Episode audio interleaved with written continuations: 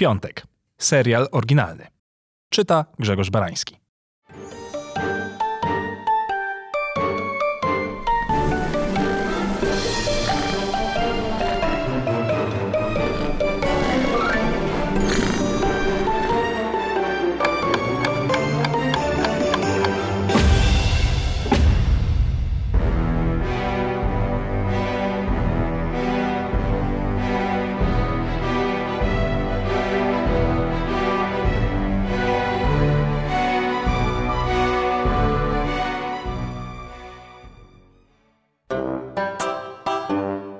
Futrzaste potwory. Jak można z uśmiechem na twarzy sprzątać potem te wyżygane kulki z sierści? Nienawidzę tu przychodzić do tego kociarskiego loku. Ale muszę, bo tutaj mieszka jeden z niewielu moich znajomych. Sebastian, bo tak nazywa się mój koleżka, ma wieczne problemy z jelitami, jak sam mówi, cierpi na nadwrażliwość. Prawda jest taka, że wpierdala za dużo słodyczy i popija je non-stop wódką, przez co dostaje srania. Więc co 10 minut zostawia mnie samego w pokoju w towarzystwie jego towarzysza życia, który wabi się, uwaga, Radamenes. Jakże oryginalnie. W każdym razie ja tego kota, jak i większości kotów, kurwa nie znoszę i to zwierzę to czuje, tak mi się zdaje. A do tego jest złośliwe i specjalnie siedzi koło mnie, bo wie, że ja, 100-kilogramowy człowiek, boję się tej kruszynki, że mi skoczy do twarzy i wydrapie oczy. No serio kurwa, boję się kotów, ale na szczęście nie jestem w tym lęku osamotniony, bo Napoleon, Juliusz Cezar czy Karol XI też bali się kotów. No tyle, że ja Cezarem kurwa nie jestem. Co ci ludzie widzą w tych przebiegłych sługusach wiedźm?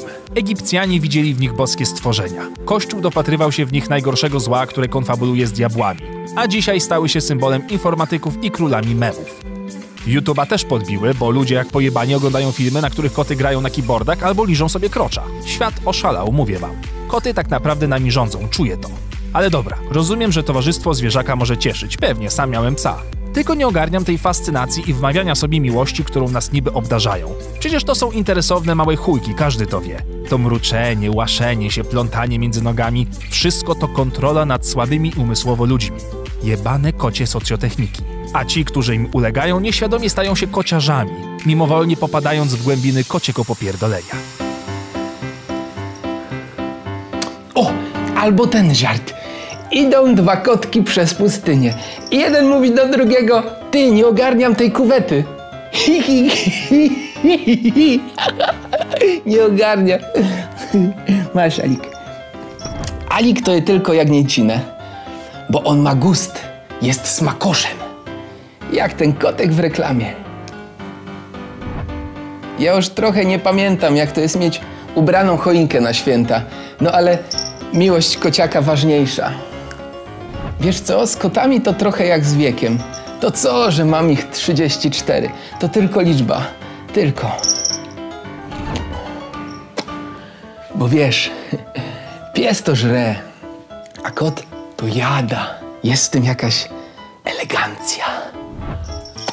Wiesz, że w Azji zjada się ponad milion kotów rocznie? Przecież tam powinni zrzucać bomby atomowe kurwa co miesiąc. Nienormalni. Serio, rozmowa z kociarzami to jeszcze gorzej niż z psiarzami, bo tamci to tacy pocieszni wariaci, a kociarze mają w sobie jakiś mrok i uważają te swoje koty za wyższe formy życia, o ile nie za własne dzieci. Ty, ten sąsiad z dołu, w okularach taki, on mnie ostatnio na urodziny swojego psa zapraszał. Pierdolnięty. No nie wszyscy są jacyś pierdolnięci. Tak bym nie poszedł. Miałem wtedy rocznicę z moim Garfieldem. I zawsze mają z nimi jakieś dziwne anegdoty, jak ta o Oskarze, który pływał na Bismarku, albo że mają selfie z pomnikiem Tombila w Stambule, słowem jakieś pojebane historie z kotami w tle. Ty, no właśnie, bo jakiś czas temu też miałem taką dziurę w gaciach, nie? I mi tak jaja wisiały. No i kotek się bawił. Pazuryki miał ostre i generalnie w skrócie to więcej nigdy dzieci już mieć nie będę. Ale za to obaj jesteśmy kastratami. I zawsze muszą pokazywać blizny po zadrapaniach, jakby te sznyty były jakimś symbolem ich wielkiej miłości. No, czy brakuje mi trochę oka? No tak, to, trochę brakuje, ale w sumie to ja zacząłem, bo zabrałem jej zabawkę, więc trochę mi się należało. A powiedz kociarzowi, że jego pupil ma ładne wąsy. O, to zaraz dostaniesz wykład, że to nie wąsy, kurwa, ale wibrysy. I w ogóle, że koty wydają ponad 100 różnych dźwięków, a psy tylko 10, albo że każdy koci nos jest unikalny jak linie papilarne u człowieka i tak dalej, i tak dalej. I tylko prawdziwy kociarz zrozumie. że to Jerry był chujem, a Tom był prawdziwą ofiarą tej chorej relacji. Podobno kociarze mają średnio o 26 mniej znajomych na social mediach od psiarzy, bo tamci są bardziej otwarci niż kociarze. Podobno też kociarze krócej żyją. Za to częściej zapraszani są na promowane wydarzenia. Kurwa, kto prowadzi takie pojebane statystyki? Ale w sumie skądś w popkulturze utarł się wizerunek starszej, samotnej i lekko zbzikowanej kobiety, która mieszka z całą armią kotów. I że potem ta kobieta umiera w domu i koty jedzą jej twarz. Podobno na Wawrze kiedyś była taka historia, ale kto by tam wierzył. Albo to drapanie w drzwi, że chcą wejść, otwierasz, a kot stoi i nie wchodzi. Ja pierdolę, przecież to jest najzwyklejsze trollowanie. Albo przynoszenie martwych ptaków pod drzwi. Przecież to jak scena z horroru. Czy tym ludziom nie przeszkadza, że koty walą kloce do piasku? W sensie ludzie też w domu to ogarniają, no ale nie wiem, coś mnie nie przekonuje w posiadaniu zwierzęcia, które całe życie sra do żwiru. Ty, ale to oni głupoty gadają, są bzdury, że te koty tak śmierdzą. No zobacz sam. Ja jak wracam do domu, to dopiero przy windzie czuję, to ile to jest, cztery piętra? No ale weź zobacz sam, zobacz. Nic nie czuć. I jeszcze ma 9 żyć, jeśli wierzyć bajkom. A przejście przez ulicę Czarnego Kota? Może w tych zabobonach jednak jest ziarno prawdy i te wąsate szpiegusy serio układają się z Belzebubem. Kurwa, sam już zaczynam brzmieć jak paranoik. Hemingway pisał, że kotom bez trudu udaje się to, co nie jest dane człowiekowi. Idą przez życie nie czyniąc hałasu. Piękne słowa Erneście, ale jakoś mnie nie przekonują. Czemu on tak patrzy na mnie cały czas i czemu ja się tym stresuję jak dziecko? I ta głębia w oczach, ta zagadka, która zdaje się iskrzyć w tych zwierciadłach duszy. Jakby sam John Blacksad mnie przesłuchiwał. Ten Puszen coś kombinuje, czuję to. A ja dalej siedzę jak ten słup soli w oparach absurdu tej sytuacji i własnych kocich fobii. Nigdy się z nich nie wyleczę, czuję to. Zawsze te koty będą dla mnie jakieś zaczarowane. Może dlatego ludzie się tak nimi jarają. Albo to jednak kosmici, którzy nas kontrolują. Kurwa, czuję, że to jednak kosmici.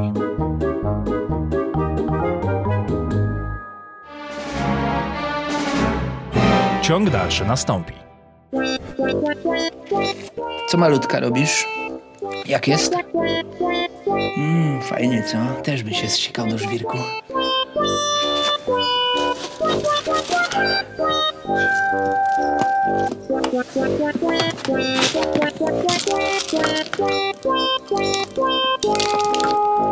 Za mało żelaza. Alik, za mało żelaza. To już może nie jedz tego. Tatuś doje. Piątek. Serial oryginalny.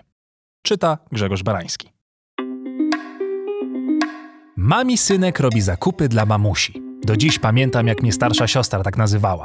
Jako dziecko byłem przekonany, że to coś dobrego, ale gimnazjum szybko zweryfikowało wiele rzeczy w moim życiu, szczególnie te dotyczące kim jestem i za kogo się uważam. Ale dzisiaj myślę, że akurat w byciu mamim synkiem nie było niczego złego. Bo do prawdziwej, szczerej i dorosłej miłości do własnej mamy trzeba po prostu dorosnąć. Dorosnąć trzeba też do zrozumienia tego, że dzieckiem w oczach matki będzie się zawsze, choćby już siwizna pruszyła włosy. Bo mamy już takie są.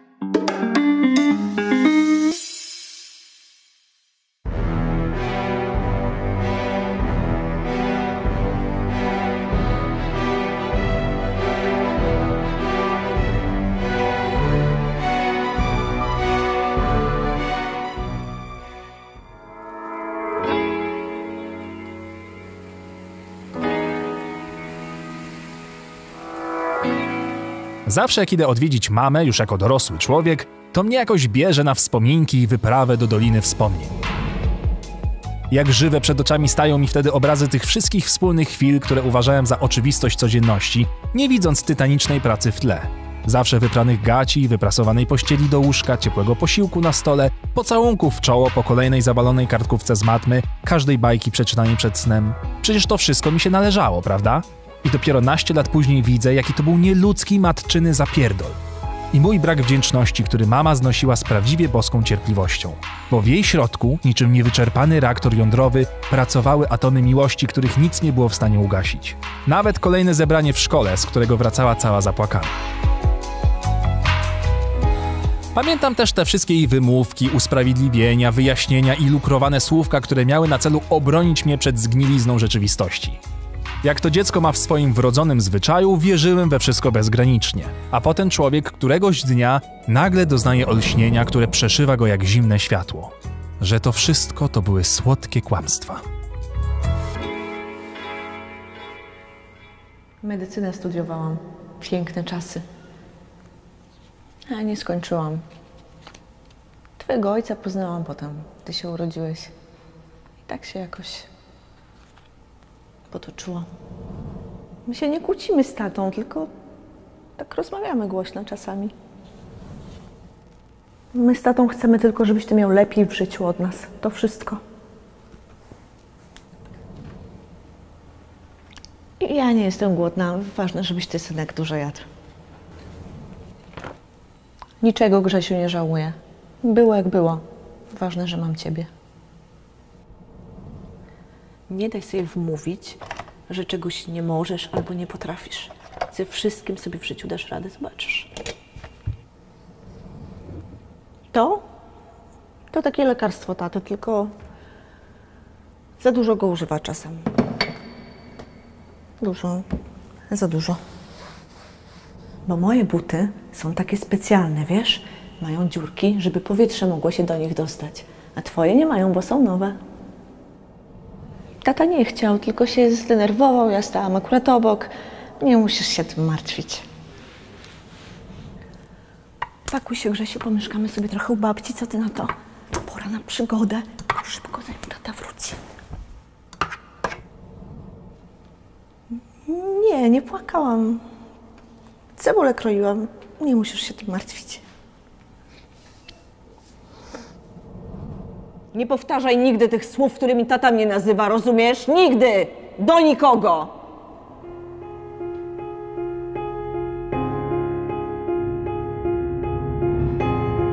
Zabawne wieczory przy świecach i teatrzyk cieni, a w tle brak opłaconej faktury za prąd. Wesoły makijaż mamy, w którym wyglądała jak panda, a w tle podbite oczy ręką męża. Zawsze duży kotlet i surówka dla mnie, a w tle pusty żołądek matki i dojadanie zimnych ziemniaków z garnka.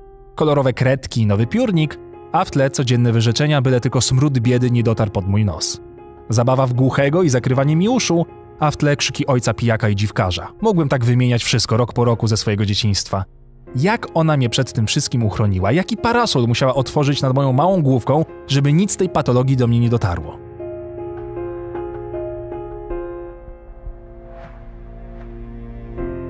Siostra pierwsza się ogarnęła. Nim szesnastka jej wbiła na kark, już mieszkała po kątach u innych, byle nie w domu. Zawsze była odważniejsza, bo i charakter miała po ojcu. I rozumiała jakoś więcej ode mnie. Ja w ogóle z życia mało rozumiałem, bo klosz matki był z mlecznego szkła i mało widziałem. Ale nie mam jej za złe. Trochę ze mnie pierdołę zrobiła, ale teraz wiem, że po prostu widziała jaki kruchy byłem i jestem. Że jakby mnie puściła w ten świat realny, to by mnie musiała potem lepić z gliny od nowa. Zawsze się zastanawiałem i zastanawiać się będę już do końca życia, czy byłem chujowym synem. Czy spełniłem jej jakieś tam oczekiwania względem mnie, czy więcej jej przyniosłem koniec końców radości czy smutków? Czy więcej łez wylanych było dla mnie ze szczęścia czy z rozpaczy? Czy śniła o mnie sny radosne, czy też w poduszce grzebała koszmary lęku o swoje nieporadne dziecko? I czy chociaż raz odetchnęła pełną piersią i powiedziała sobie samej, że nie muszę się o niego martwić, chłopak da sobie radę, dorosły jest. Wmawiam sobie, że tak było, ale podskórnie wiem, że matka martwi się do końca. Na zawsze. Na chuj ja tymi drzwiami trzaskałem za gówniarza, po co darłem z nią łachy o te wyjścia bezcelowe z kumplami, których imion nawet już nie pamiętam. Czemu nie widziałem jak cierpi, widząc mnie podpitego jednym piwem po powrocie ze szkoły, żebym tylko schematu ojca nie powtórzył? Dlaczego każde jej kocham cię tak mnie wstydziło, które było przecież szczere i prawdziwe w tym całym moim udawanym życiu nastoletniej tandety? Innymi słowy, czemu ja byłem taki kurwa głupi? No ale trudno. Życie idzie dalej, a dorosłość to wyciąganie wniosków z własnych błędów i próba bycia lepszym. Podobno.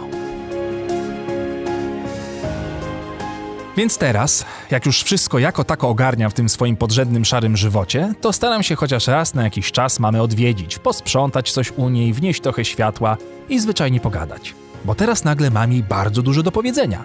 Spotykamy się zawsze w tym samym miejscu, już od lat. I zawsze to ja zaczynam rozmowę. Już jakoś tak się utarło. Cześć, mamo.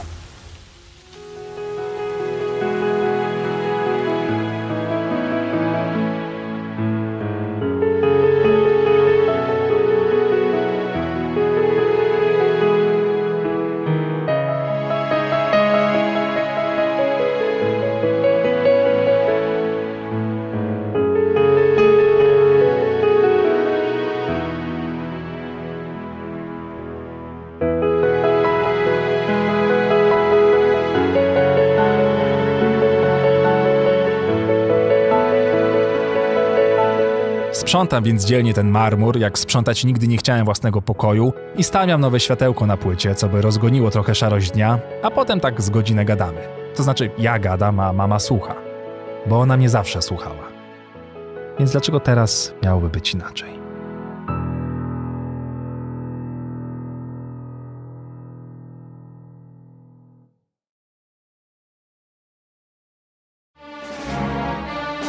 Ciąg dalszy nastąpi.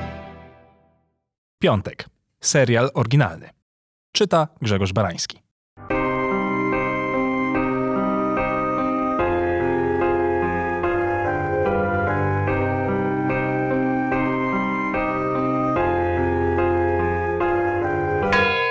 W życiu każdego człowieka przychodzi ten smutny dzień, kiedy jego wierny towarzysz wszystkich nieudanych spotkań towarzyskich oraz długich posiadówek na kiblu odmawia dalszej chęci do życia niczym Padme w zemście Sithów.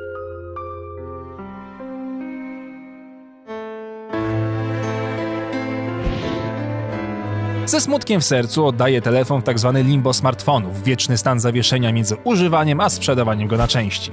Słowem, telefon wam się znudził, więc wymieniacie go na lepszy model i chuj i cześć. A stary ląduje w szufladzie, gdzie będzie czekał na lepsze czasy, będąc już zawsze niczym więcej niż tak zwanym telefonem zapasowym, który, jak znam życie, nigdy wam się do niczego nie przyda. Ale to teraz nieważne. Ważne, jaki telefon wybiorę następny. Może to już ten dzień? Może przyszedł ten czas? Czy to możliwe? Czy w końcu odważę się i po latach mojej miłości do Androida wybiorę jednak produkt z jabłuszkiem?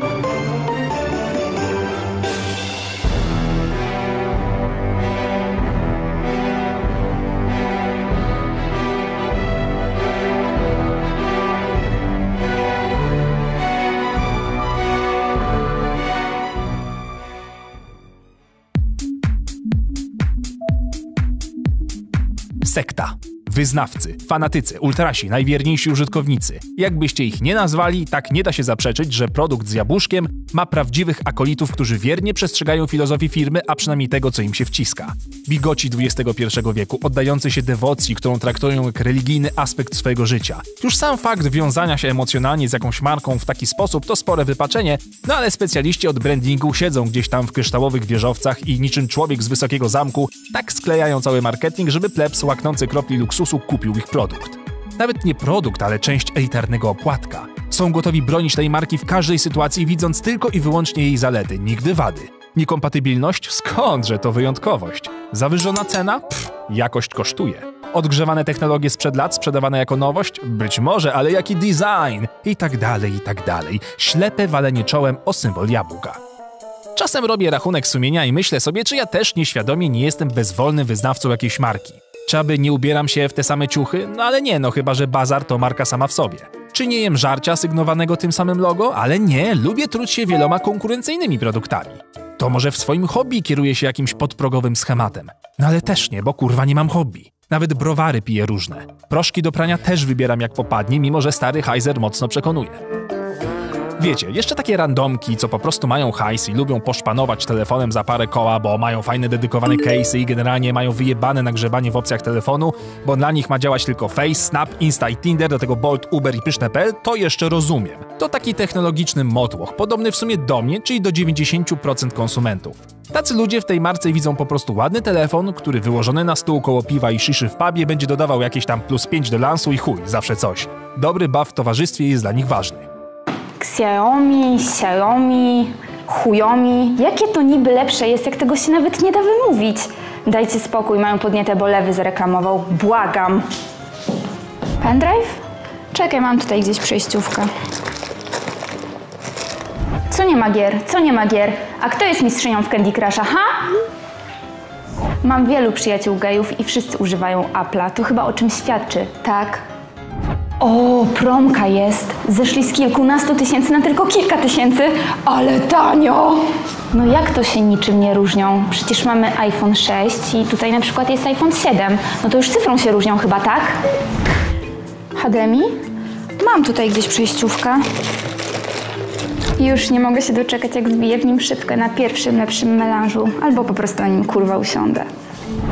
Jaki drogi, jaki drogi. Jak się dobrze ustawisz w życiu, to ci facet każdy kupi, jaki tylko zechcesz. No pół roku na tulipanach w Niderlandach, ale jest. W końcu go kupiłam i jest taki piękny. Rozum i godność człowieka? Czekaj, mam tutaj gdzieś przejściówkę. A nie, w Apple tego nie ma. Ja wiem, że dla tych ludzi najważniejsza jest funkcjonalność, rozumiem to. Chcą zamknięte pudełko, które działa i koniec. W środku dzieje się magia, której oni nie muszą rozumieć. Jak coś się zepsuje, to się oddaje i dają nowe, żadnych zbędnych pytań. To tak jak z samochodem. Większości z nas w sumie nie obchodzi, jak to wszystko działa, od tego są mechanicy. I spoko, przecież nikt nie może i co najważniejsze, nie musi interesować się wszystkim. No ale kurwa, jeżeli twoje uwielbienie tej marki zaczyna przypominać członkostwo w jakiejś masońskiej loży, to wiedz, że coś się dzieje. Nie płacisz za komponenty. Płacisz za system operacyjny. Rozumiesz? To nie jest tylko komputer. To ekosystem Twojego życia, design Twojej duszy, styl życia Twojego umysłu. Trochę dziwne pytanie, ale tak. Lubię brać w dupę. A co to ma do rzeczy? Czy czytałeś książkę Jobsa? Nie czytałeś. To przeczytaj, przemyśl i potem porozmawiamy. Nie wierzyć w Steve'a Jobsa to jak nie wierzyć w Boga. Koniec rozmowy. Aksjo.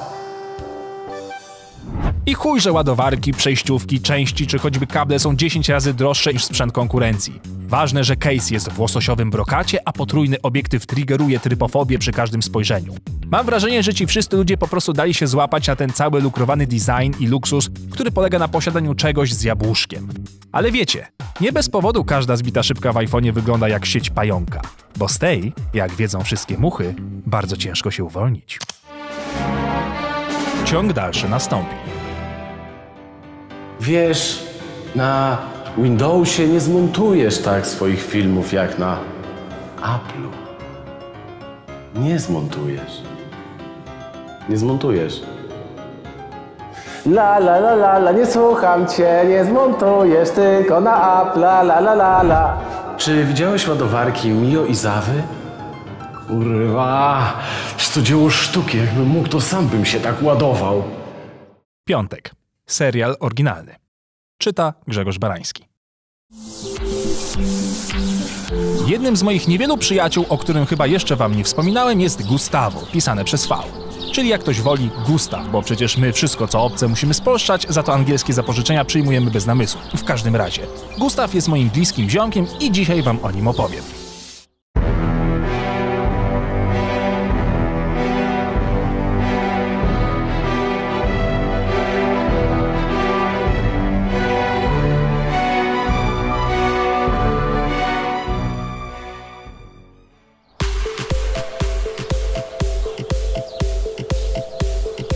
Poznałem na studiach. Zawsze cichy, spokojny, taki w sumie nijaki. Uczył się równie chujowo co ja, tyle że zajebiście grał w piłkę nożną. To zresztą było jednym z jego marzeń być zawodowym piłkarzem. Ale coś tam w życiu nie pykło i Gustaw pracuje obecnie w Korpo Mordorze, jak większość słoików, które pazurami wczepiły się w stolicę i nie zamierzają jej puszczać.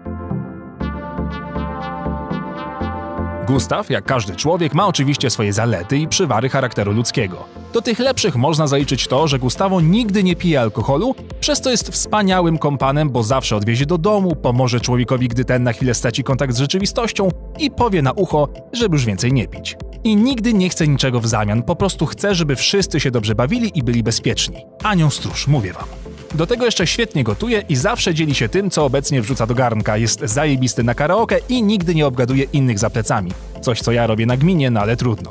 Gustaw jest też jedną z tych niewielu osób, która zawsze cię wysłucha, czy to podczas suchego żartu, czy podczas pijackiego wylewu swoich depresyjnych żali. Wysłucha, zrozumie i nie osądzi. Czasem też coś mądrego doradzi, tak po ludzku. A im człowiek doroślejszy, tym bardziej docenia to w drugiej osobie. Ale jak mówiłem, są i przywary.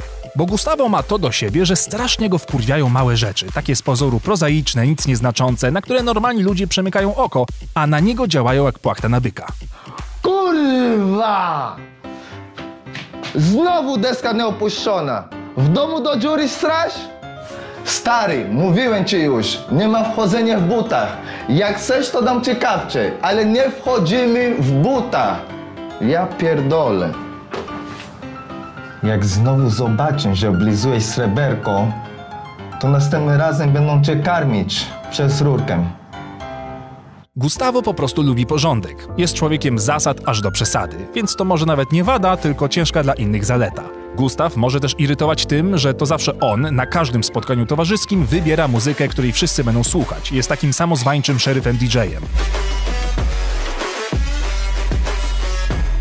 Ponadto zajebiście głośno rozmawia przez telefon, jak stara baba, mimo że z jego słuchem i telefonem jest wszystko ok. Kiedy się spotykamy, to modlę się, byle tylko nikt do niego nie zadzwonił. Halo? No? Jasne, że mogę pogadać. No, co tam u ciebie, słuchaj? No? Ale grubo było wtedy. Ty w ogóle coś pamiętasz jeszcze? Nie wiem, budzę się w domu, jedna na prawo, jedna na lewo, druga nie wiem co tam kombinowała, a...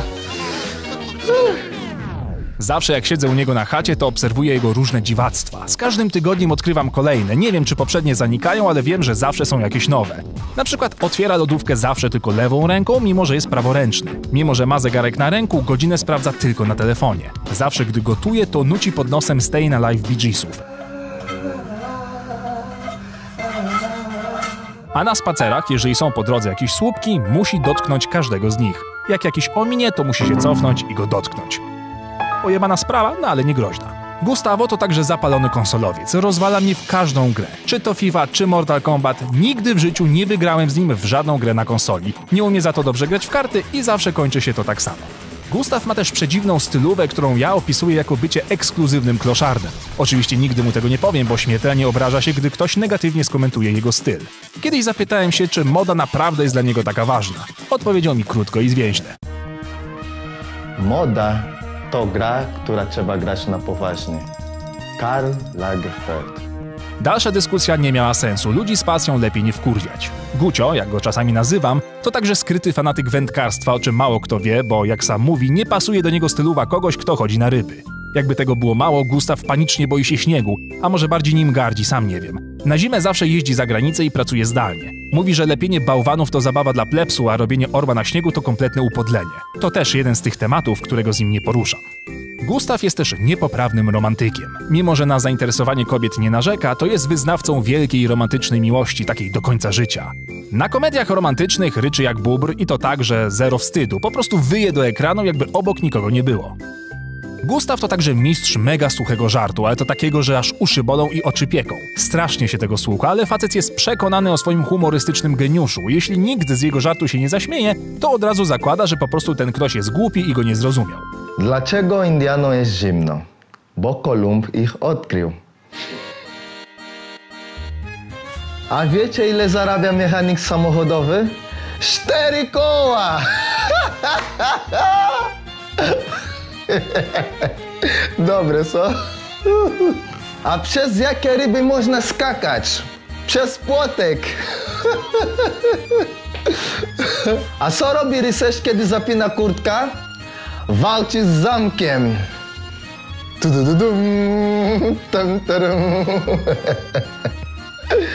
Co mówi ogórek, kiedy jest rozbawiony? Skisłem. A. O Gustawie mógłbym tak mówić i mówić bez końca. W ogóle to miał być w zamyśle zupełnie inny odcinek dotyczący problemu rasizmu, nietolerancji i wszystkiego, co dotyka takich ludzi jak Gustawo. Ale na ten temat zostało już tak dużo powiedziane, że nie wiem, czy jest sens, żebym i jak krzyczał, jaki to rasizm jest zły i bez sensu. Nie zamierzam też z Gustawa robić ofiary. Nie wiem, czy zauważyliście, ale choć opisałem Gustawa prawie od A do Z, to ani razu nie powiedziałem, że Gustawo ma inny kolor skóry. Bo ten jebany pigment strasznie definiuje człowieka, najczęściej w zły i krzywdzący sposób. I po co? Przecież właśnie poznaliście człowieka z krwi i kości, z którym moglibyście się zaprzyjaźnić albo i nie. Ale teraz, kiedy znacie go już lepiej, znaleźlibyście przynajmniej 10 innych powodów niż tylko jego kolor skóry. I to już wystarczy, to już jest jakiś start. Żeby powiedzieć wkurwia mnie za to i za to, a nie tylko, że nie lubię go, bo jest czarny. Jak już macie kogoś nienawidzić, to chociaż tego kogoś poznajcie lepiej. A może wtedy okaże się, że tamtego toksycznego uczucia już was nie ma. No bo w sumie, co wam szkodzi?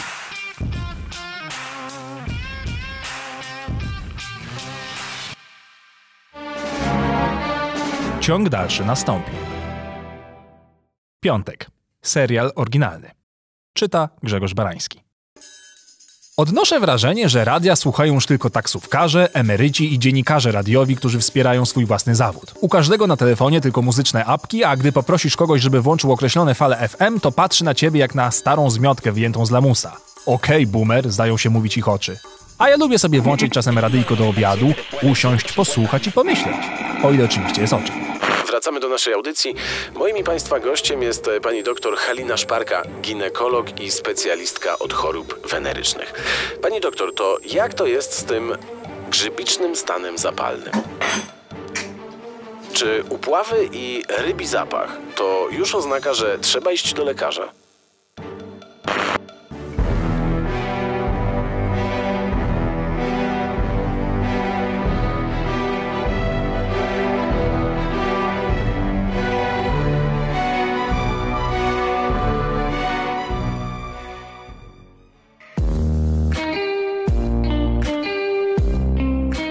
Ogóle słuchanie radia mam wrażenie, że kojarzy się niektórym z byciem już takim starym dziadem, który kurwa kręci tą gałką w lewo i w prawo w swojej antycznej diorze i szuka radia Wolna Europa. Albo co gorsza nastawia odbiornik na toron i godzinami przesiaduje słuchając modów i kazań sponsorowanych z jego własnej emerytury, której sporą część przelewa cyklicznie na te wszystkie zacne i ważne cele, jak odbudowa dachu parafii, czy walka z kosmitami, czy chuj wie na co oni tam zbierają.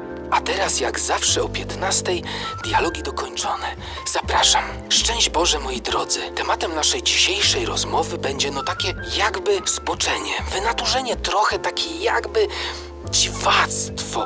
Nie wiem, jak to nazwać. Chodzi o ten taki weganizm. Prawda, o niejedzenie mięsa, ale i wszystkiego, co dają zwierzęta. Czy to daje Pan Bóg, prawda? Czyli już na wstępie mamy proste równanie. Weganizm równa się grzech. I teraz dowiemy się dokładnie dlaczego. Przy okazji przypominamy numer konta naszego radia, na który można przelewać darowizny dla naszej wspólnoty, dla naszej rodziny radiowej. Zapraszamy. Inny słuchacz, który kreuje się w takich stereotypowych moich rozkminach, to klasyczny wąsaty Józef, który jeździ jako krypto-uberowiec albo dorabia sobie popylając swoim rozklekotanym dostawczakiem i ogarnia tanie przeprowadzki. To tacy ludzie, którzy zawsze zdają się prowadzić cichy dialog z prowadzącym audycję. Wygłaszają swoje kontrargumenty, wykrzykują swoje prawdy i sapią nad omawianymi problemami mocniej niż Andrzej nad prawami do wieśka.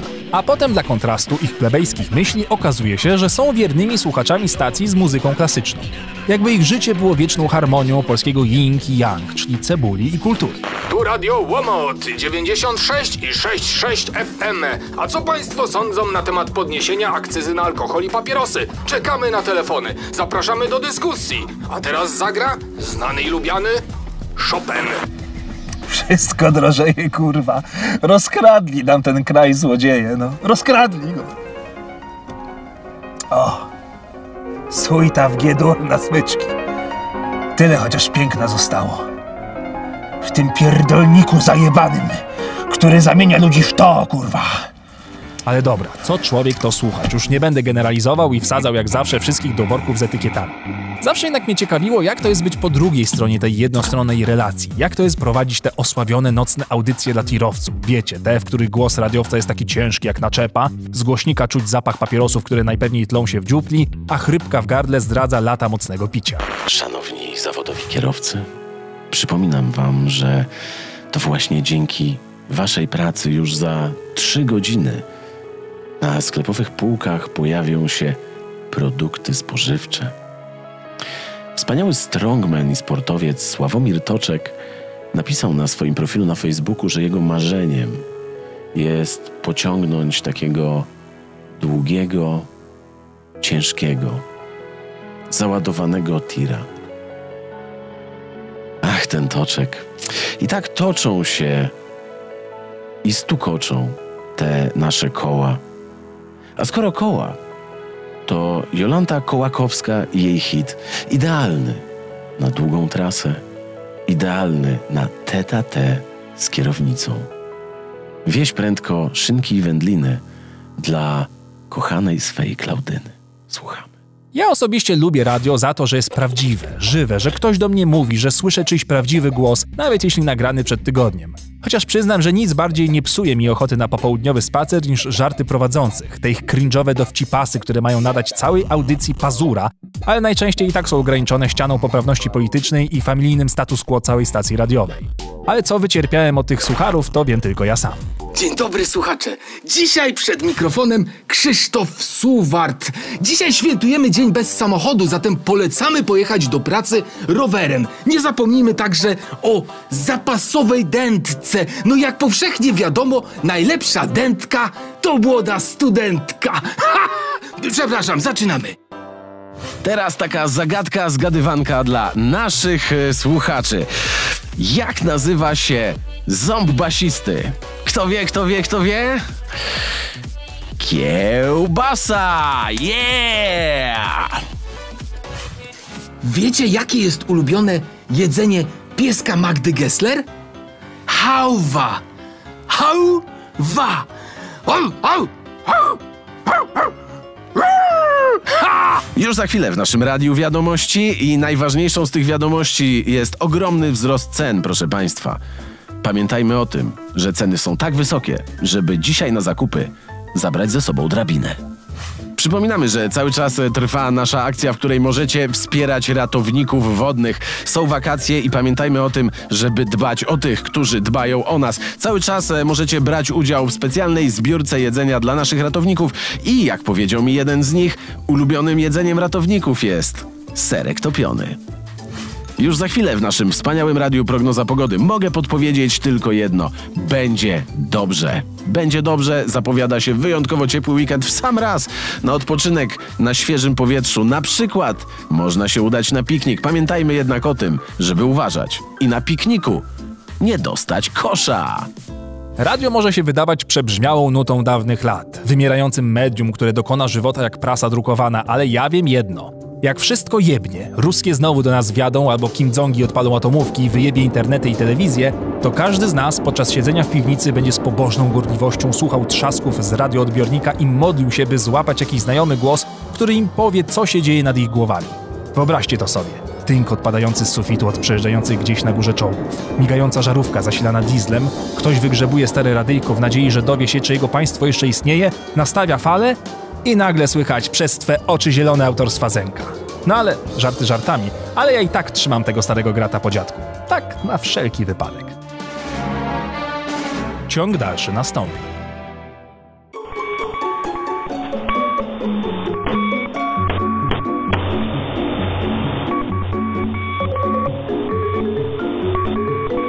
Tu Radio Wolny Wawer. W okolicach ulicy Czecha pojawiły się nowe opony do palenia w piecach. Tymczasem poziom skażenia powietrza cebulą nadal nie pozwala na podróż dalej niż kilometr od obozu. Powtarzam, kilometr od obozu.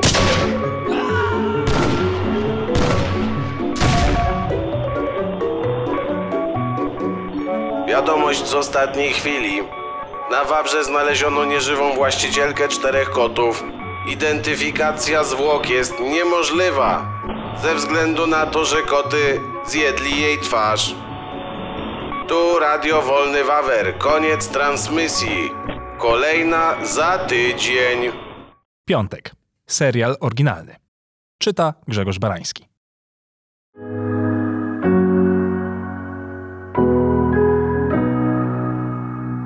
Jak tak gram i dostaję bez przerwy po dupie od gry, to wychodzi ze mnie taki gamingowy Janusz, który mówi sam sobie Kurwa, kiedyś to taką grę to bym już dawno przeszedł na hardzie. Miało się tego skilla.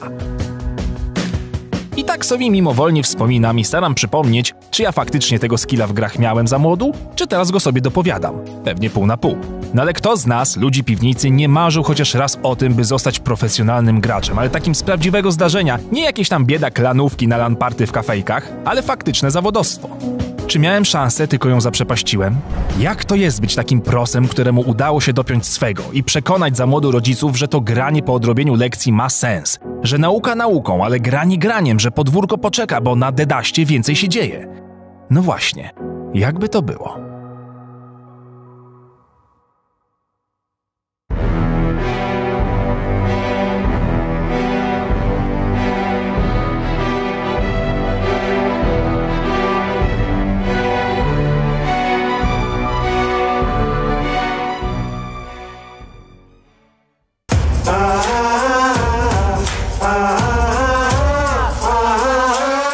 Wyobrażam sobie czasami, jak jestem takim właśnie prosem i mam całą swoją ekipę, z którą spędzam czas w takim ultra super wyjebanym ośrodku treningowym. Kiedyś to było nie do pomyślenia, ale dzisiaj serio są takie miejsca, takie hotele dla graczy, gdzie można jeść, spać i trenować. Magia.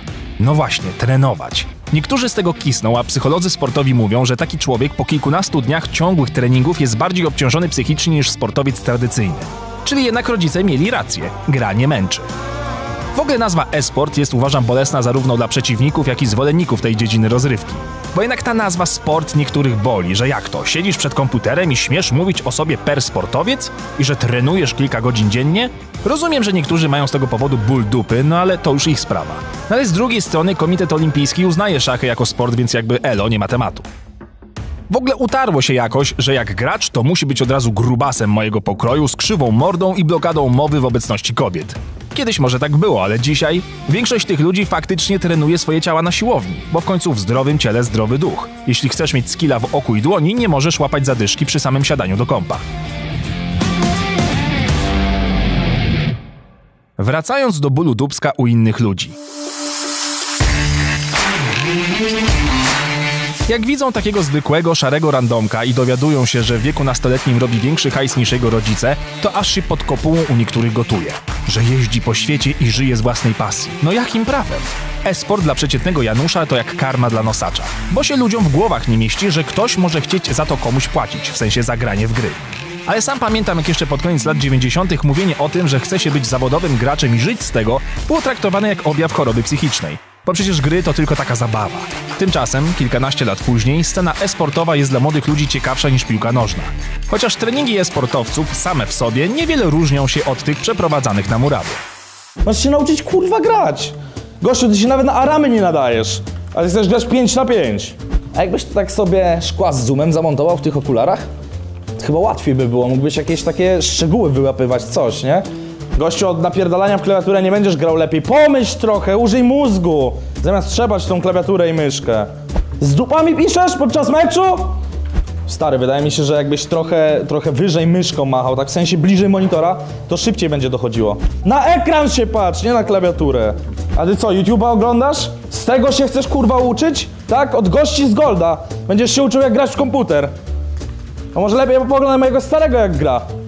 Ale notatki to mógłbyś stary na kompie robić, na przykład w WordPadzie, nie? Bo na kartce to, to kartek używa. Drzewa się psują. Ale wracając do tematu. Serio, jak to wytłumaczyć rodzicom za młodu, że jesteś dobry w jakąś grę? Podchodzisz do ojca i mówisz Tate, ja nie chcę na studia, dobry jestem w tego Fortnite'a, daj mnie grać, zrobię hajs. A tata odpowiada na to, pewnie synek, czemu nie? Jak czuję, że tak będzie lepiej, to graj sobie i powodzenia. Ja kiedyś mamie powiedziałem, że nie chcę iść do szkoły, bo mam klanówkę w CS-a, to najpierw uznała to za mało śmieszny żart, a potem po prostu wyłączyła mi komputer i patrzyła przez okno, czy idę w kierunku szkoły. W ogóle bycie graczem to trochę jak bycie kosmitą dla innych, bo każda profesjonalizacja osadza cię w ramach pewnej kultury, której postronny człowiek nie zrozumie. Na przykład to, co mówi gracz, dla innego gracza jest na wagę złota, dla innych natomiast brzmi jakby co drugi miał tureta. Naszor, naszor, naszor, naszor. Set mnie zachodzi, set mnie zachodzi, pomóżcie mi, pyrka, pyrka. Set, set, set, fokus, set, fokus, set. Nice, nice, nice, dzięki. Biały typ jest, biały, biały, strzelaj do niego! No biały jest! Jeden HP, jeden! No trafisz, nie potrafisz? Ja rozumiem, że Bloom, no ale gościu, no proszę cię, no 20 metrów jest przed tobą, no. Bierzemy górny tower, górny tower bierzemy teraz. Panowie, podchodzimy. Górny. Górny, górny, górny bijemy. Pyrka, weź go zultuj. Dawaj, dawaj, dawaj, dawaj. Mam w, mam w, mam. Uważaj, trap, trap, trap, nie mój, nie mój! Z tego możemy zagrać wizją do bota, albo możemy zagrać Drake'a. Typ mnie od prawej dojeżdża. Od prawej, od prawej, od prawej. No nie, no za 200 z Ferrari pika mi dał, no to jest żart jakiś, no. Jak on tak może? Czemu ja tak nie mogę, no?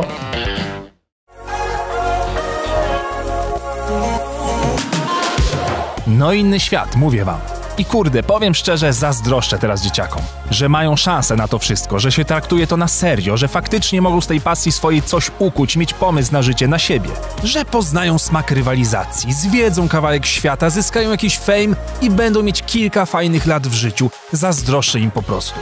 No bo mówmy się, tak upraszczając, kto by nie chciał grać w gry cały dzień i mieć z tego jeszcze kupę hajsu i splendor.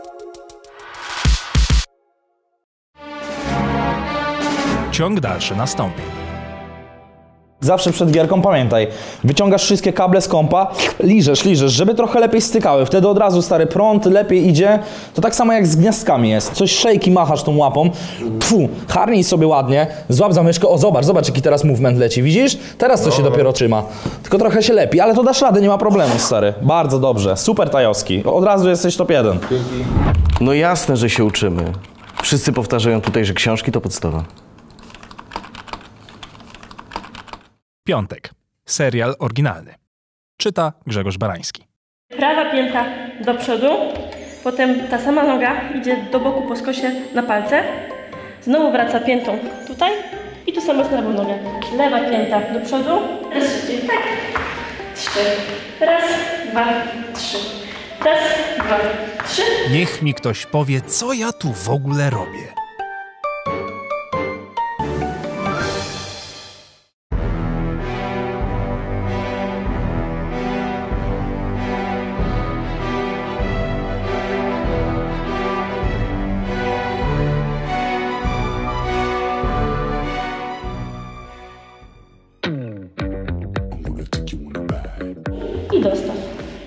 Prawa pięta, dokładnie.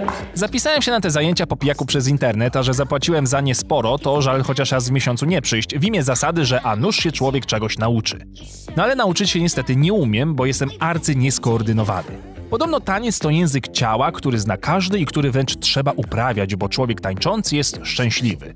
Czy więc całe moje narzekactwo życiowe i powolne opadanie w depresję po trzydziestkową można wytłumaczyć po prostu tym, że nie napierdalam codziennie z rana makareny? Ach, jakie to byłoby proste. Ale staram się, próbuję, gibam się i macham tymi swoimi spuchniętymi racicami jak tylko umiem najlepiej. To jebane lustro ma pomagać w nauce, a mnie tylko zniechęca, bo widzę jak koślawe i brzydkie jest moje ciało w ruchu. Bo ja lubię siebie tylko pod kocem, taka jest prawda. A jej to przychodzi jakby od niechcenia. Ja wiem, że za tym stoją lata treningów i poświęcenia, ale ta lekkość, z jaką ludzie potrafią się poruszać, strasznie mnie wkurwia i zasmuca, bo też bym tak chciał. A jej teksty wcale mi nie pomagają. Ważne, żeby się nie poddawać. Taniec jest naturalnym językiem ciała. Musisz się po prostu odblokować. Póki co, to jesteś tak na poziomie, no trzecia klasa. Podstawówki oczywiście. Wiesz co, no trudno będzie coś uprościć, bo ten taniec ma tylko trzy kroki. No ale spróbujemy. Mogę coś spytać? Przepraszam, że tak osobiście, ale czy ty byłeś kiedyś sparaliżowany? Miałam już raz jednego takiego ucznia jak ty, także spokojnie, wiem co robić. Co prawda, on nie miał nóg, no ale I czemu te kroki kurwa są zawsze liczone do trzech, czterech czy tam sześciu? I jakieś takty, i powtarzania, i układy. Ja nic nie rozumiem z tego, a przecież to brzmi banalnie. Jakbym miał prawko i mnie wzięli na kontrolę jakąś, żebym poszedł po pasach, to by mnie zawinęli chyba od razu, bo i tego bym nie umiał. Gdzie te czasy, że tańczyło się każdy sobie jak umie na szkolnej dyskotece i było wesoło, a teraz jedyne co uprawiam to bezruchodans pod ścianą. Fani Tytusa będą wiedzieć o co chodzi. O, ta też jest dobra. Czarny łabędź, żeś jego mać. Wannabe balerina, która zawsze ma jakieś inspirujące cytaty na temat tańca. Oczywiście te frazese, raczej wysrywy, brzmią jak żywcem wyjęte z Instagrama z profili motywacyjnych. Ale muszę jej przyznać, że ma skubana talent do zapamiętywania tych wypocin. O tańcu nie da się pisać. Taniec trzeba tańczyć. Kiedy tancerz tańczy, ziemia pod nim jest święta. Możesz tańczyć wszędzie, jeśli tańczysz sercem. Taniec jest ukrytym językiem duszy. Tańcu możesz sobie pozwolić na luksus bycia sobą. No czujecie to?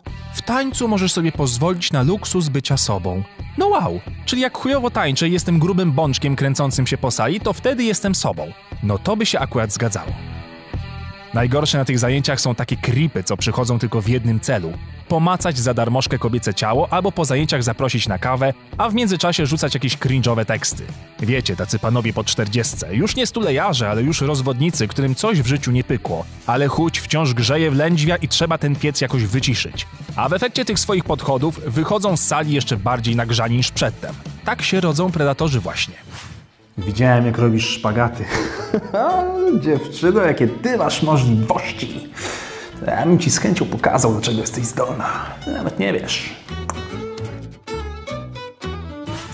Ja wiem, że najlepiej nie tańczę, widzę, nie? Ale ja nie jestem dansjor, ja jestem jebaka bardziej, taki wiesz.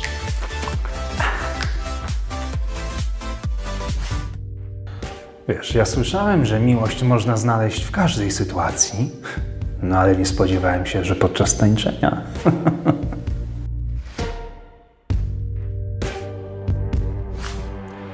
Pani się nie przerazi, jak podczas wolnego tańca będzie u mnie czuć trzecią nogę. To jest normalne w takich sytuacjach. O, obudził się kolega. Spokój, spokój. E, no, muszę powiedzieć koleżance, że koleżanka bardzo, bardzo ładnie pachnie. Taką trochę kopulacją, tak mi się kojarzy. Taki pocik fajny. No i zobacz, prowadzę cię jednym paluszkiem, a pomyśl, co mógłbym zrobić dwoma. Albo trzema. Mm? I tak dalej, i tak dalej. Najgorzej, jak się faktycznie fajna dupa trafi. Nawet ta od baletu, ale przecież musiałbym sobie amputować już wszystkie moje resztki godności osobistej, żeby podczas tańca podejść i pierdolić takie farmazony. Dobra, nieważne. Wiecie, ja do samego tańca nic nie mam. Bo od kiedy człowiekowi coś tam świtało w głowie, to łapami machał nad ogniskiem w kółku i dobrze się bawił.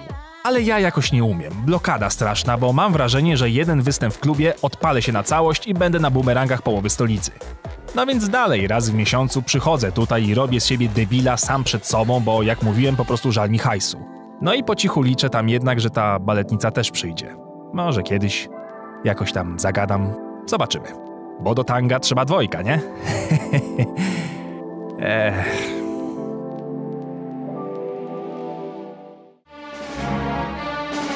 Ciąg dalszy nastąpi. Piątek. Serial oryginalny.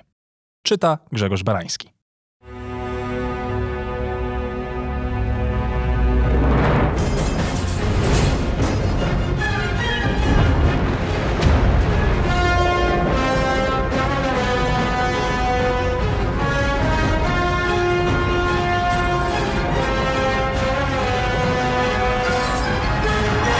Wchodzi demon kutasy. Nie macie szans.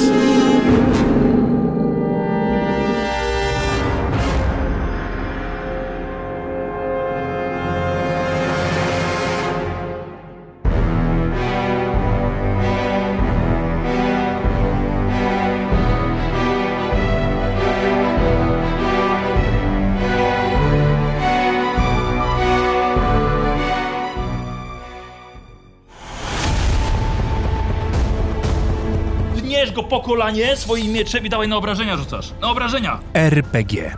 Gry wyobraźni.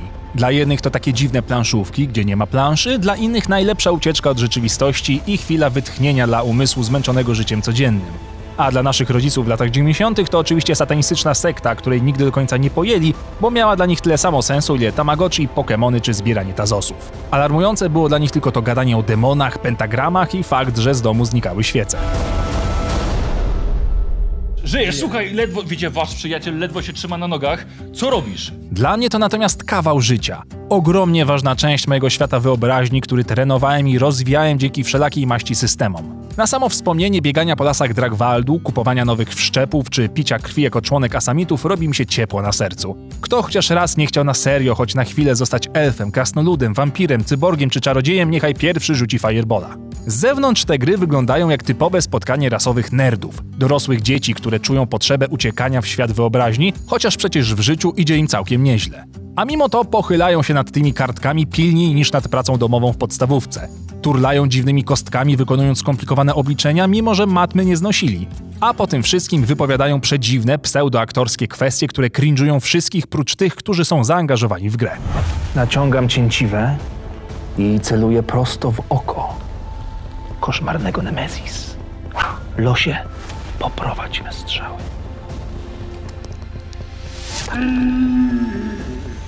Demonie, wiedz, że dziś spotkasz się ze swoim przeznaczeniem. Jam jest Godriel, syn Gundriela, łamacza rogów. Stań do walki i polegnij po miocie. Trafiła kosa na kamień, demonie. Oto stoi przed tobą Ekara. Czarodziejka i mistrzyni iluzji. Giń! Zła się nie ulęknę. Prędzej do miecza klęknę. Jam jest Talwen, przyjaciel wilka. Niechaj groty mych strzał przeszyją twoje serce, demonie. Wracaj skąd przybyłeś! Zadaję przeciwnikowi potężny cios. Mym magicznym orężem. Niechaj sam Karnos prowadzi me ostrze! Przywołując magiczną potęgę mych przodków, tworzę ognistą kulę, która spopieli bluźnierczego czarta. Brzmi strasznie, co? Ale dla nas to właśnie najlepsza część zabawy. Żeby poudawać, wcielić się, odegrać jakoś po swojemu, w miarę możliwości, niby dla beki, ale jednak z nutką powagi.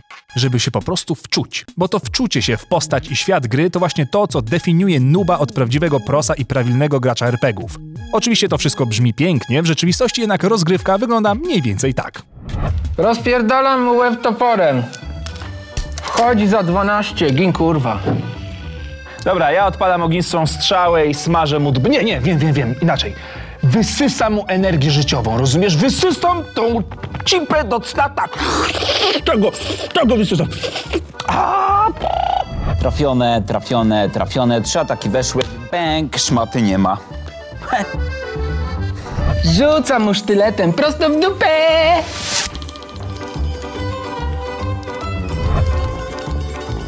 No i znowu przerzuciło, no z- zaraz nie wytrzymie. Odpalam błyskawicę i smażę dziwkę jak narożnie. No i jakiego tu magiczną strzałę zużyłeś? Dobra. No, żyje. No nie, no, no giniu, kurwa, no. Co to za wytrzymała sztuka, co ty wymyśliłeś? No i gość tylko uwali w końcu, no.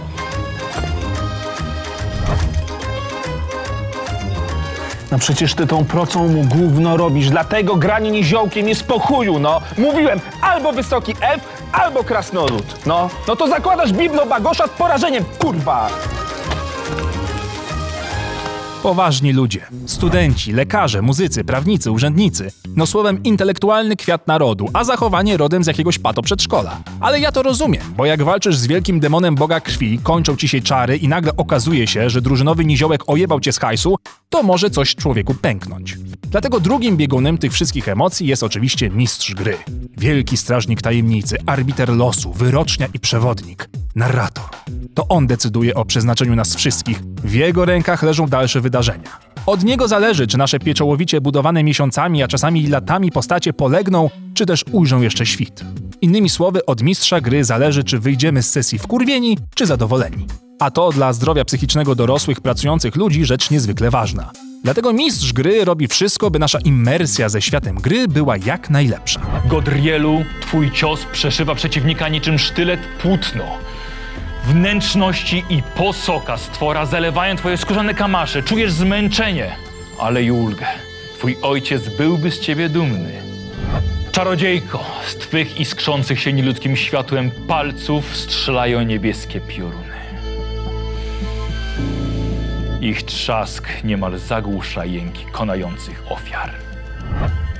Talwenie, gdy pogodziłeś się już ze swym losem, podążającym za mieczem przeciwnika, usłyszałeś nagle znajome warknięcie.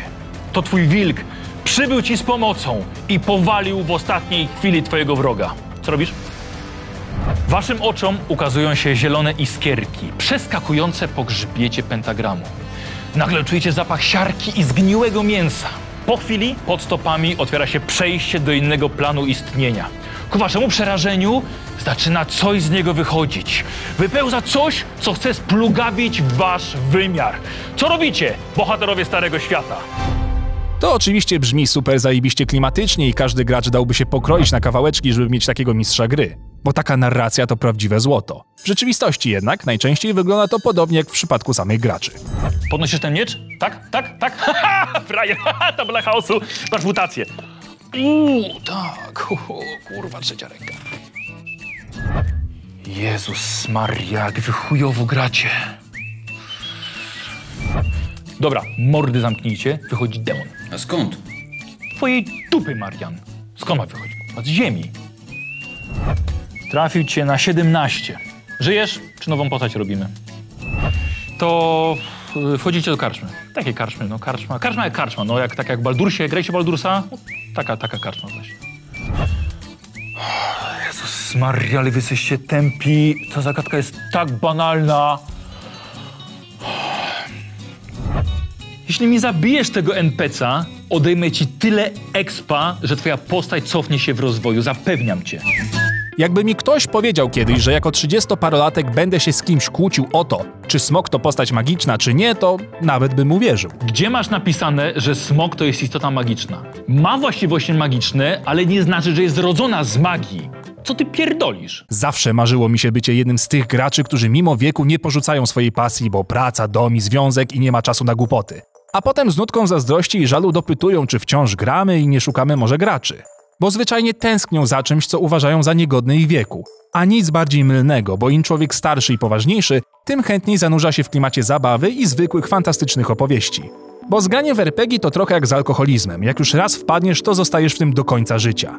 Nawet jeżeli będziesz trwał w abstynencji przez kilka lat, to zawsze będzie kusiło, żeby wrócić. I nie dziwię się, bo granie krasnoludem czy elfem było, jest i zawsze będzie po prostu fajne. Ciąg dalszy nastąpi. Na chuj mnie okradasz, jak gramy w jednej drużynie. Nie rozumiem. No, po co? Mało masz w skarbcu? Nie możesz tam wejść, no. Nie, kurwa, nie, nie da się, nie da się po prostu. Otwierasz drzwi, pff, ściana, nie ma. Koniec mapy, nie wejdziesz.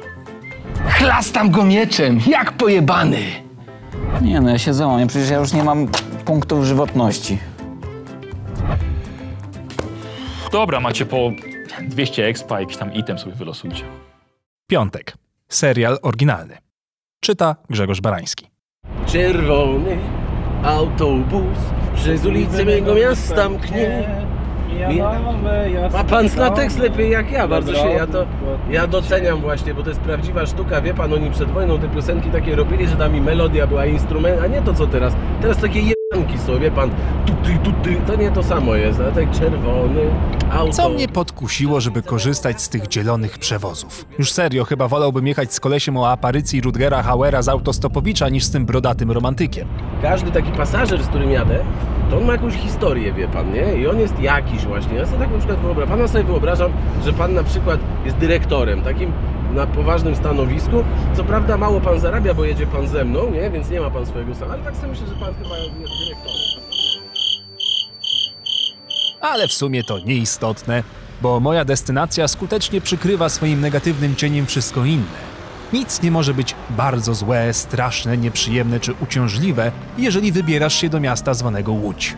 To miasto to czarna dziura emocji, a ja wjeżdżam w sam jej środek, poza horyzont zdarzeń.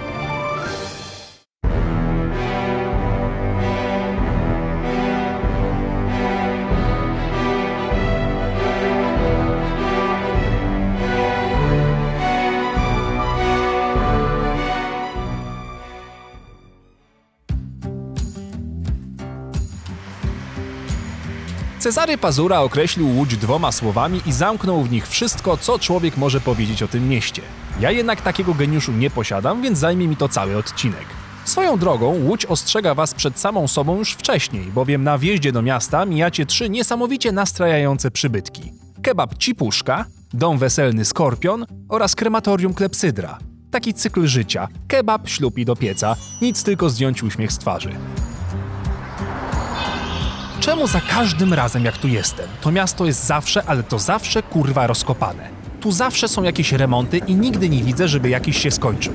Ja nie wiem, złota szukają, czy mają krety wielkości czołgów. Skoro mają stanie dla jednorożców, to kto ich tam wie. Dobra, bo już pluję jadem, a przecież nie o to chodzi. Bo w końcu Łódź, prócz bycia obok Sosnowca i Radomia najbardziej memicznym miastem w Polsce, to także kawał historii. Historii sztuki, kinematografii czy włókiennictwa. To miejsce narodzin Juliana Tuwima czy Artura Rubinsteina. Także jak ktoś chce pogrzebać i poszukać wartościowych historii, to na pewno je tu znajdzie. Ja póki co uderzam na spacer po biglu, czyli na pietrynę.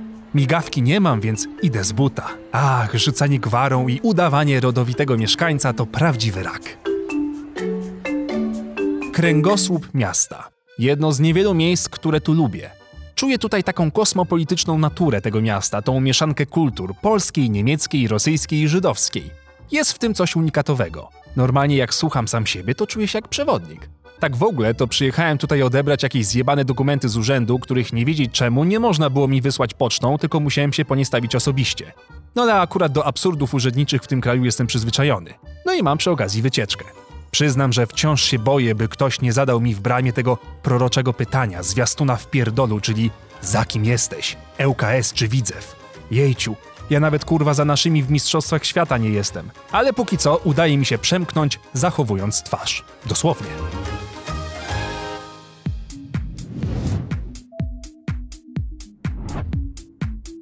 Manufaktura jawi mi się niczym perła osadzona na zardzewiałej i pękniętej koronie, pozbawionej już dawnego blasku i kamieni szlachetnych.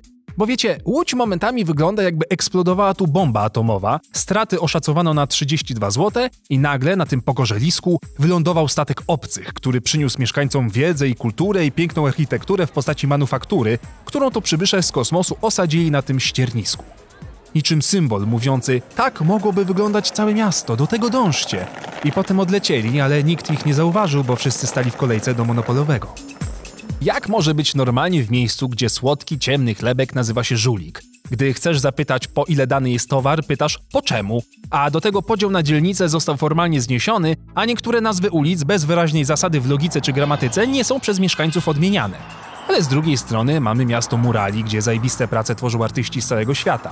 Dalej mamy filmówkę, o której przecież nie trzeba nic więcej mówić, bo każdy wie, jakiego formatu ludzie wyszli z tej uczelni. Ba, w Łodzi były pierwsze elektryczne tramwaje. W końcu Łódź kreuje, jeśli wierzyć hasłu, które obrało sobie miasto. Przedziwne miejsce, ale lubię do niego wracać. No, czasami, raz na jakiś czas, tak maksymalnie raz do roku. Tyle mi wystarczy. W końcu bałuty i hojny, naród spokojny. Miłego piątku. Ciąg dalszy nastąpi.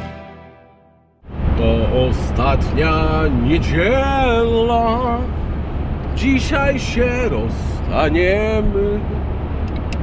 Dzisiaj się rozejdziemy chyba na wieczny czas.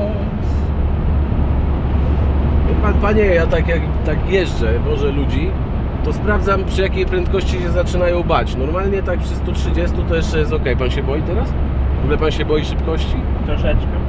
No to dobrze, bo ja jadę troszeczkę tylko szybko. I tylko trzeba te tiry omijać. Ja kurwa jebane te tiry, bo to, to ma lewym pasie, to nie powinno jeździć lewym pasem w ogóle. On powinien mieć tam blokadę taką, że jak on włącza lewy kierunek, to mu taki kurwa alarm zaczyna napie... Gdzie kurwo na lewym? I powinien zostać na prawym wtedy pasie. Wtedy by był porządek na tych drogach, a nie takie chuj wie co, wie pan. Poza tym tiry na tory, a kierowca tira sra do żwira. To ustalone mamy, bardzo dobrze. Piątek. Serial oryginalny. Czyta Grzegorz Barański.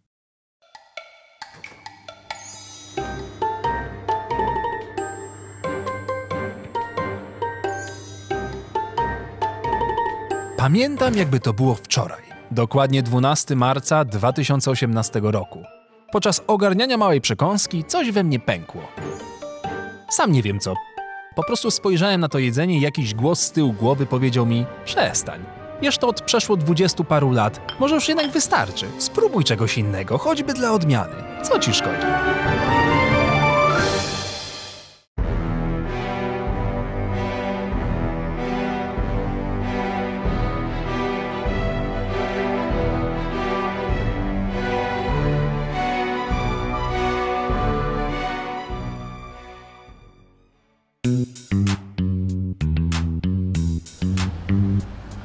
Jestem ofiarą postperelowskiego wychowania.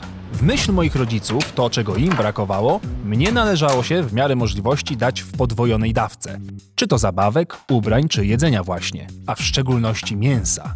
To ich stanie w kolejce z kartkami wywołało u wielu ludzi kompleks mięsny, który przerzucili na swoje dzieci. Że jak oni nie mieli, to dziecko będzie miało chociaż. Jak sobie przypomnę, to mój jadłospis za młodu wyglądał mniej więcej tak. Na śniadanie parówki i może jakieś jajko. W szkole kanapki z szynką. Na obiad kotlet mielony albo schabowy, czasem pieczone skrzydełka. Na przekąskę kabanosy. Na kolację znowu kanapki z szyneczką. I tak przez lata. Na święta pieczenie, w lato grillowanie. Słowem, cały rok gastronomiczny kręcił się wokół mięsa. Statystyczny Polak w ciągu roku zjada około 38 kg wieprzowiny i około 25 kg drobiu, czyli rocznie zjadasz całego świniaka z kopytami i kilka kurczaków. Dlatego stwierdziłem, że zjadłem już tego mięsa wystarczająco dużo i czas zrobić sobie przerwę. Nie, nie było łatwo. Miesiące zajęło mi zrozumienie tego, że na obiad można zjeść makaron z warzywami i nie trzeba dokładać do niego mięsa. Rezygnacja z kebabów też do łatwych nie należała, ale uparłem się tak sam dla siebie z ciekawości, czy dam radę. I żeby nie było, nie stoi za tym żadna idea. Kocham zwierzaki, ale jadłem ich trucha przez większość swojego życia, więc nie będę teraz bajerował, że nagle zyskałem nowe pokłady empatii. To nie to. Naturalną skórę też lubię, ale wybieram eko, bo jest tańsza. Jebie mnie ochrona środowiska, bo Chiny i Stany i tak pompują 3 czwarte syfu w atmosferę, więc ta moja mała decyzja niby ma znaczenie, ale nie oszukujmy się, w sumie to nie ma. Nie stoi też za tym żadna wielka filozofia podyktowana badaniami. Ja wiem, że człowiek ze swoimi płaskimi zębami zaczął jeść mięso dopiero niedawno, właściwie w skali ewolucji to jakieś dwie sekundy temu. Że jelita nie takie, że białko zwierzęce ma tylko uzupełniać, że w sumie prócz tatara to nic surowego nie zjemy. Ja to wszystko wiem, ale nie tym się kierowałem, co strasznie wkurwia moich prawdziwych wege znajomych. Że należę do ich niby elitarnego, ekoprogresywnego, new age'owego środowiska, ale nie wyznaję ich religii i światopoglądu. To trochę jak noszenie koszulek Ramones, których się nigdy nie słuchało, ale fajnie się nosi, więc zakładam jebać purystów XD. Bo wege zapaleńcy oczywiście też mają jakąś fobię przekonywania innych na swoją jedyną i prawdziwą słuszną stronę. To wywoływanie poczucia wstydu, pseudotroska o zdrowie innych, wyliczanie, że jedna osoba nie jedząca mięsa to ileś tam ocalonych cielątek. Jezu, kogo to kurwa obchodzi, jak w tym samym czasie na chińskich bazarach ludzie wpierdalają nietoperze?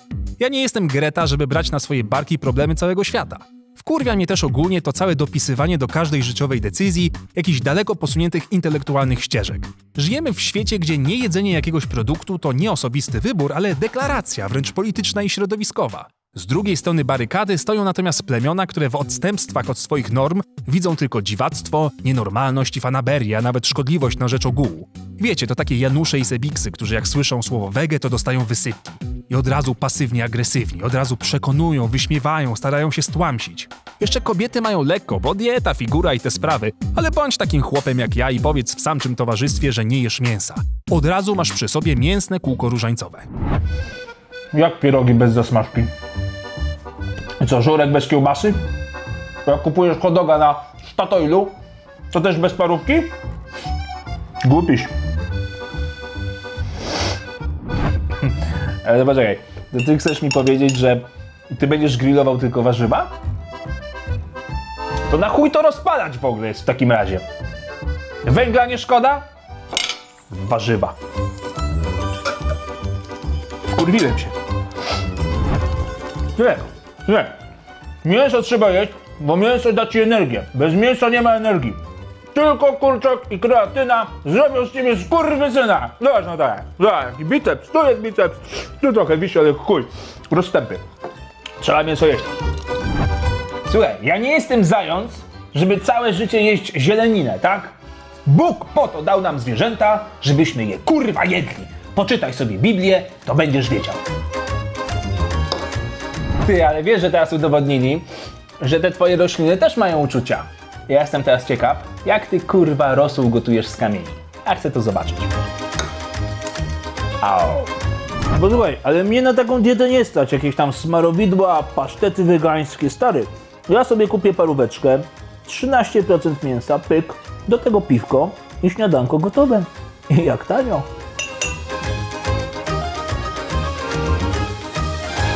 A ja ci powiem, że teraz to jest taka moda na to pedalstwo po prostu. Ja nie wiem, y, hamburger z buraka. No to jest jak wódka bez procentów. No to na samą myśl już mi się żygać chce. A tak to dopiero później. Po co wam są te kiełbaski sojowe? Ja nie rozumiem. No ja wam sałaty z mięsa mielonego kurwa nie podrabiam, no. To wy musicie mi kiełbaski kraść. Słowo wegetarianin, ja to czytałem. To jest jedno z narzeczy indiańskich i to słowo wegetarianin oznacza za głupi, żeby polować. kurwa, tylko mięso. Tylko kurwa mięso. Najlepiej wołowo-wieprzowe, żeby mieć pewność, że dwa zwierzęta umarły. No kurwa. I tak w koło Macieju. Niesamowite, że jak trzeba argumentować swoje racje, to ludzie potrafią zanurzać się w odmęty antropologii i budowy systemu trawiennego pradawnego człowieka, żeby tylko kurwa udowodnić, że ich jest na wierzchu. A ja lubię teraz tak jak żyję, że sobie zjem na obiad dużą sałatkę, po której nie leżę potem przejedzony jak wieloryb wyjebany na brzeg kanapy. I lubię sobie zmiksować jakieś tam zielsko z owocami i to wypić i potem nie martwić się, czy w pracy nie dostanę nagle srania. Od takie małe życiowe przyjemności. Ludzie generalnie powinni odjebać się od dwóch rzeczy. Od tego, co robisz w łóżku i co robisz sobie na śniadanie. Świat od razu stałby się przyjemniejszym miejscem. Miłego piątku, wege bracia i siostry. Tylko humus na socali. Ciąg dalszy nastąpi. A ty też jesteś kurwa wieprz, wiesz? Tak ci powiem. Jak nur? To ty locha, kurwa. I będę jadł co lubię. Chuj. Piątek. Serial oryginalny. Czyta Grzegorz Barański.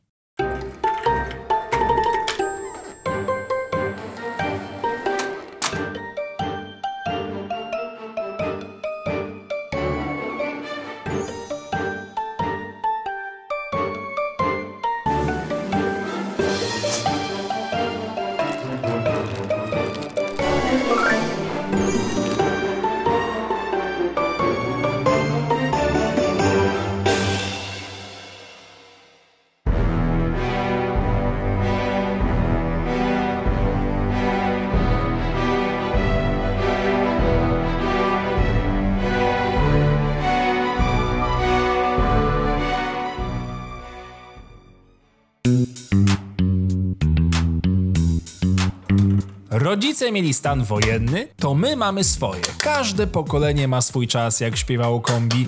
Nieważne, czy to jakiś tam wirus, kryzys, paranoja społeczna, wojna atomowa, czy po prostu cięższe czasy.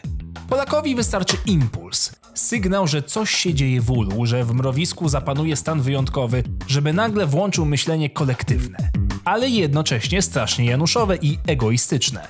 Czyli wszyscy sobie i dla siebie, ale wszyscy tak samo. Nagle dieta każdego Polaka składa się z tych samych produktów. Tylko wegańskich parówek i mrożonej hawajskiej nikt nie chce, no bo jeszcze społeczeństwo nie upadło na tyle, żeby to jeść. Trudno, więcej dla mnie.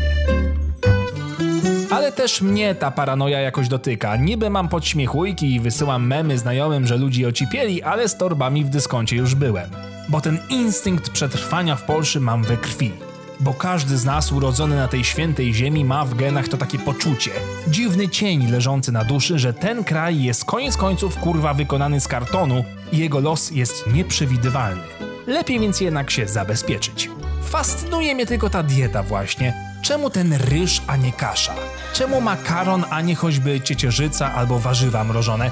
Czemu mięso w kilogramach do zamrażarki upychają wszyscy, a nie rybę? I skąd ta nagła miłość do przecieru pomidorowego?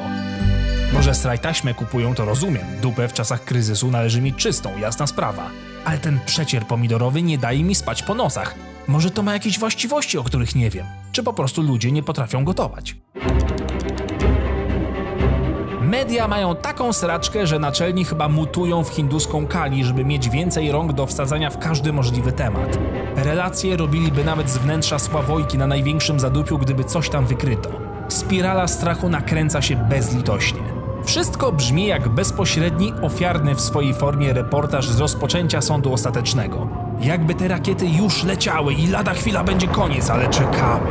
Relacjonujemy dla państwa i patrzymy wspólnie, jak to wszystko jebnie. Straszne. W internecie to samo. Panika albo wielka solidarność.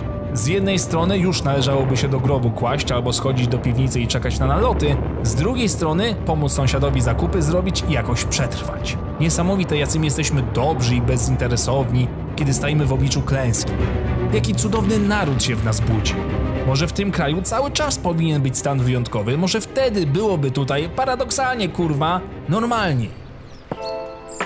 Pustki. Ulice wymarły. Ruch jak w niedzielę albo na wakacjach, kiedy słoiki wyjadą za warszawskie rogatki. Wszyscy w domach, jakby na ulicach straszyło. Nikt nie dzwoni, nie pisze, nie zawraca dupy, nikt nic nie chce. Dla mnie, introwertyka, to prawdziwy raj. Pierwszy raz w swoim dorosłym życiu czuję się, jakby cały świat faktycznie się ode mnie odjebał. Byle tylko internet był, rachunki płacę do przodu na wypadek takich właśnie wydarzeń. Jak mówiłem, instynkt jest we mnie silny. Chociaż prawdziwym creepersem oczywiście nigdy nie będę, bo do tego trzeba mieć umysłowe predyspozycje, czyli być lekko popierdolonym. Umówiłem się z kolegą kociarzem na wódkę, bo biedaczek spędza ostatnie dni w kompletnej izolacji i powiedział, że zaczął już z tymi kotami prowadzić wielogodzinne dyskusje. Wierzę mu na słowo. Mieszka na Wawrze. To miejsce coś robi z ludźmi. Lubię go, szanuję jako człowieka, ale jak słyszę, jakie kocopoły z internetów powtarza, to coś we mnie umiera. Że to spisek, że media kłamią i ukrywają prawdę, że Putin już od dawna nie żyje i jest podstawiony sobowtór, że prawdę poznamy dopiero po latach albo i nigdy i tak dalej, i tak dalej i sam się nakręca z każdym kieliszkiem i oczywiście kurwa ekspert nagle w każdej dziedzinie życia swojego i całego kraju, z gospodarką i polityką włącznie. A to wszystko wymieszane z jakimiś pomysłami ocierającymi się już o prawdziwe szaleństwo. Stary, to, że banki w tym siedzą, to wiadomo. Politycy też wiadomo, ale stary, firmy farmaceutyczne, transportowe, logistyczne, kurwa wszyscy. Zdziwiłbyś się. Ty serio myślisz, że to nie ma żadnego związku? To jest wszystko to, co się dzieje. Jest ściśle połączone ze Smoleńskiem. Mój kumpel ma dowody i jutro ma mi je przysłać. A właśnie, stary, znalazłem w necie zajebisty przepis, jak zrobić rosół z własnej stopy. Może kiedyś się przyda, chuj wie. Ty nie wiem jak ciebie, ale mnie to tak naszło takiego białego ryżu, więc jadwiesz? Nie wiem dlaczego teraz. O, i taki soczek pomidorowy. Mm. Mhm.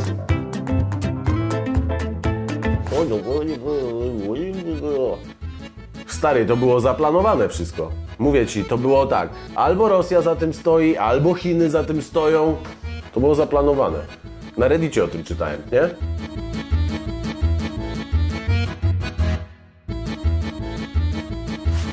Kocham te koty. Ale stary, jak przyjdzie co do czego, to będę je porcjował. Czapkę se zrobię. Ja tu na Wawrze znam takiego gościa, taki technik i on w garażu naprawia radia, nie? I z nim się dogadałem, że on mi zrobi tu na dachu takie panele, taki wiatrak, więc będę miał prąd. A wodę będę brał z deszczułki, także głowa spokojna, jestem na wszystko przygotowany. Amunicji mam w chuj. Broni mam w chuj, nic nie zabraknie. Mój dom to moja twierdza. Tylko, kurwa, granatów trochę mało. Trzeba się dokupić.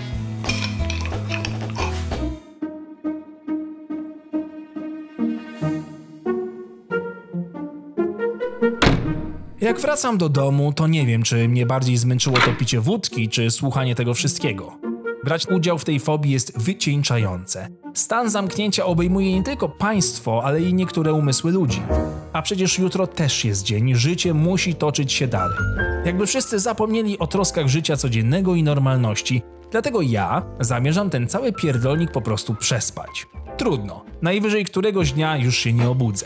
Wolę spokojnie ułożyć się na moim mięciutkim katafalku w sypialni i przeczytać coś, co pozwoli mi na chwilę oderwać się od tego wszystkiego. Ach, idealnie. Miłego kryzysu.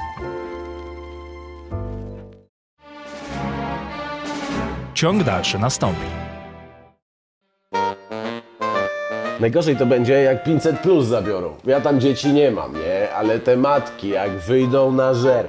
Najgorsza rzecz to jest wkurwiona matka z dzieckiem, jeszcze głodna do tego. To trzeba będzie je srebrem kroić. Jak nic. Nie, Tadziu? Miał. Wersja z obrazem do obejrzenia pod adresem youtube.com ukośnik piątek. Czytał Grzegorz Barański. Udźwiękowienie Tomasz Oreł. Produkcja Łukasz Skalik. Licencja Video Brothers.